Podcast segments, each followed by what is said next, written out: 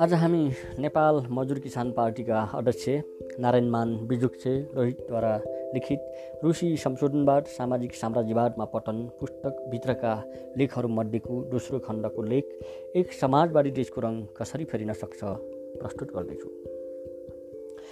रुसी सर्वहारा वर्गका महान नेता स्टालिनको मृत्युपछि ख्रुस्चेव गुटले सोभियत कम्युनिस्ट पार्टीको नेतृत्व हटाउन सफल भयो।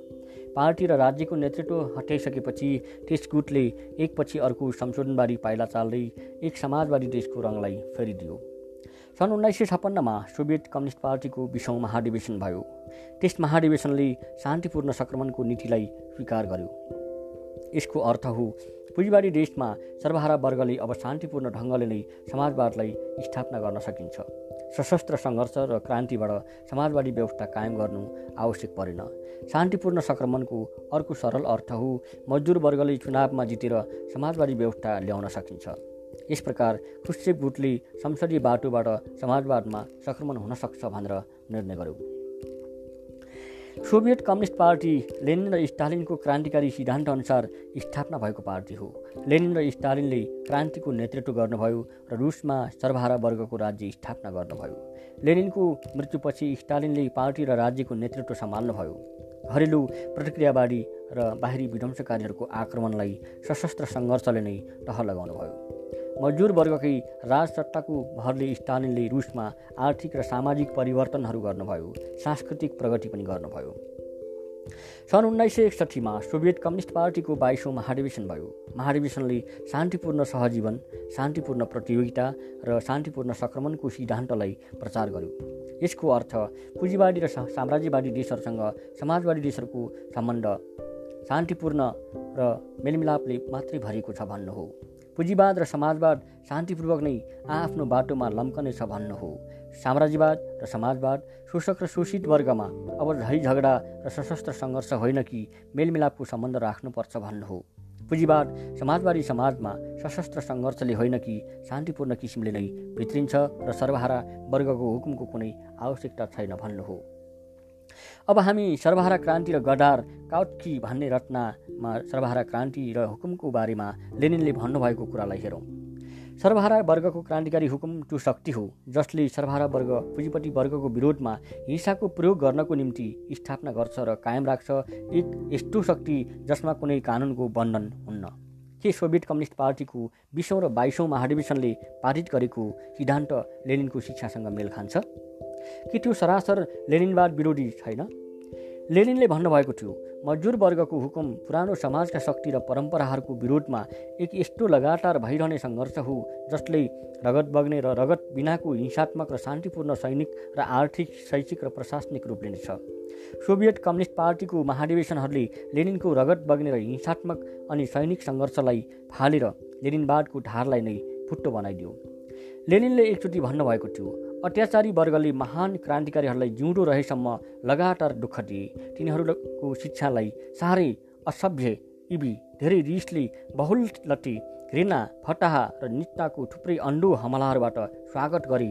तर तिनीहरूको मृत्युपछि तिनीहरूका क्रान्तिकारी शिक्षालाई सारहीन खुस्टा बनाएर त्यसको क्रान्तिकारी धारलाई फुट्टो बनाएर त्यसलाई बिगारेर त्यसलाई एकदमै बेकामको बनाएर देवी देवताहरूको मूर्तिहरू जस्तो बनाइदिन। भनौँ तिनीहरूलाई देवत्व प्रदान गर्न र खिचिएका वर्गलाई फकाउन र ढोका दिनको निमित्त तिनीहरूको नाउँलाई निश्चित गौरव प्रदान गर्ने कोसिस हुन्छन्। बस अवसरवादी र संशोधनवादी रुसी नेताहरूले महान लेनिनलाई त्यस्तै गरेका छन्। ती खुस्चेव र ब्रेजनेव गुटले लेनिनको शिक्षालाई फुट्टो बनाउन शान्तिपूर्ण सहजीवन शान्तिपूर्ण प्रतियोगिता र शान्तिपूर्ण सङ्क्रमणको ढुङ्गा मुडाले पूजा गरेका छन्। लेनिनको क्रान्तिकारी शिक्षालाई रुसी जनताको विचारबाट हटाउन ती धोखेबाजहरूले लेनिनको नाउँमा नक्कली कामहरू गर्छन् र लेनिनको तस्विर राखेर अनेक अपराधहरू गर्छन्। तिनीहरू रुसी जनतालाई फकाउन र ढोका दिन मात्रै लेनिनको नाम लिन्छन् र लेनिनको तस्विरमा पूजा गर्छन्। लेनिनले यसबारे उन् सन् उन्नाइस सय बिसतिरै रुसी कम्युनिस्ट बोल्सेविक पार्टीको नौ महाधिवेशनमा चोर औँला ठडाउनु भएको थियो। तिनीहरू साम्राज्यवादीहरू शान्तिपूर्ण आर्थिक विकासलाई सोभियत सट्टाको शान्तिपूर्ण विघटनमा फेर्न चाहन्छन्। लेनिनले त्यही भन्नुभएको थियो साम्राज्यवादी भलादमीहरू तपाईँहरू यसलाई कोसिस नगर्नुहोस्। हामी सतर्क छौँ। रुसी नेताहरूले लेनिनको शिक्षालाई लट्टाइदिएका हुनाले सोभियत सत्तालाई शान्तिपूर्ण विघटनमा फेरिदिए। ती नेताहरू वास्तवमा आफै साम्राज्यवादी साबित भए।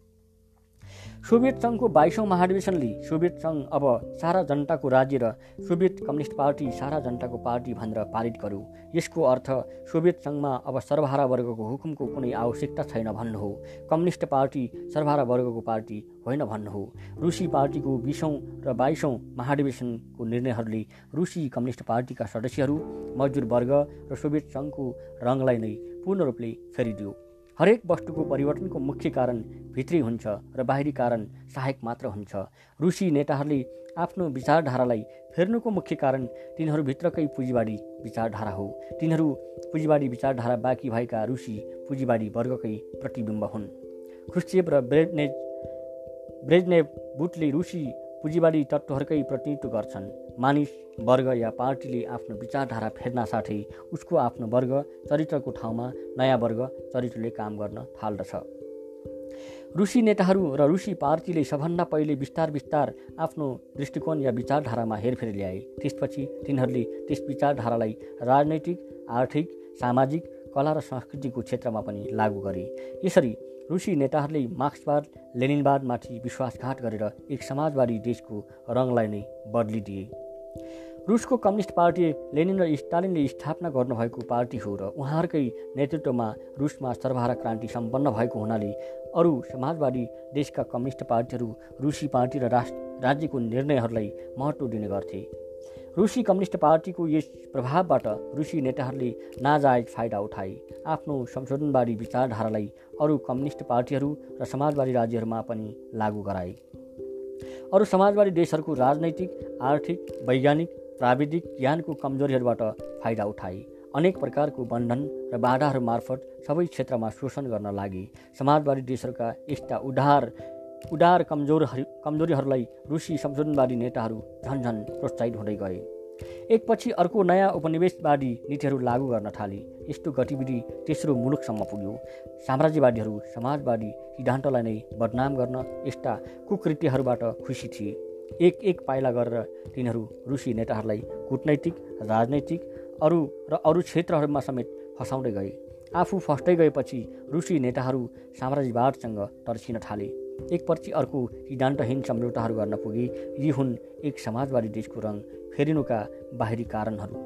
यी बाहिरी कारणहरू परिवर्तनका सहायक कारणहरू मात्रै हुन् र भित्री कारण नै मुख्य हुन्। सर्पले आफ्नो काँचुली बाहिरबाट होइन भित्रैदेखि फेर्छ।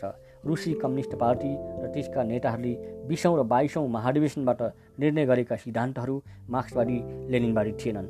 सर्वहारा वर्गको हुकुमलाई त्याग्न साथै समाजवादी समाजको रङ फेरिन्छ।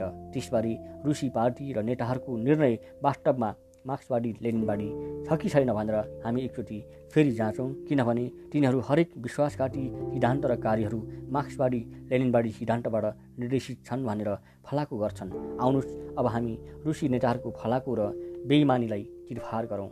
धन्यवाद।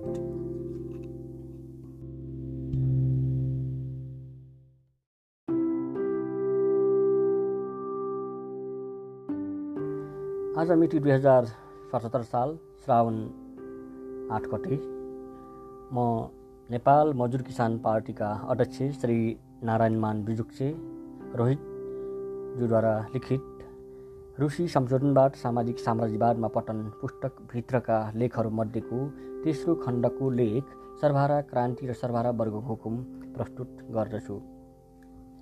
रुसी कम्युनिस्ट पार्टी र रुसी नेताहरूले सर्वहारा क्रान्तिको ठाउँमा शान्तिपूर्ण सङ्क्रमणको सिद्धान्तलाई अगाडि सारे।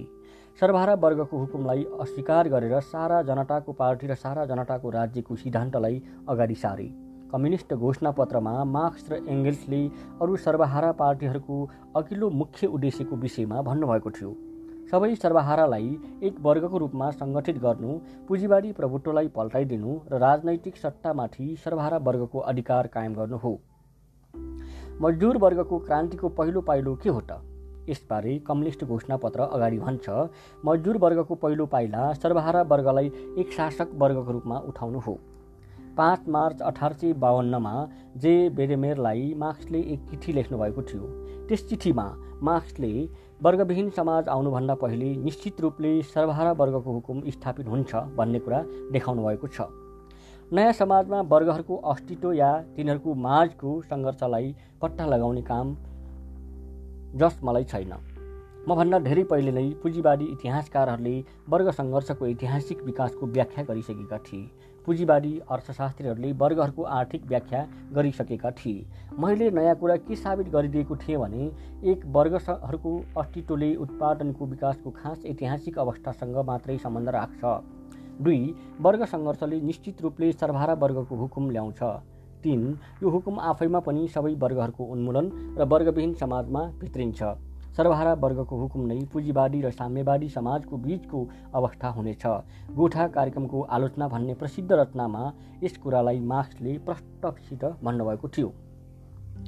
पुँजीवादी र साम्यवादी समाजको बिचमा एक अर्कोमा क्रान्तिकारी रूपान्तरको रूप फेरिने अवस्था रहन्छ।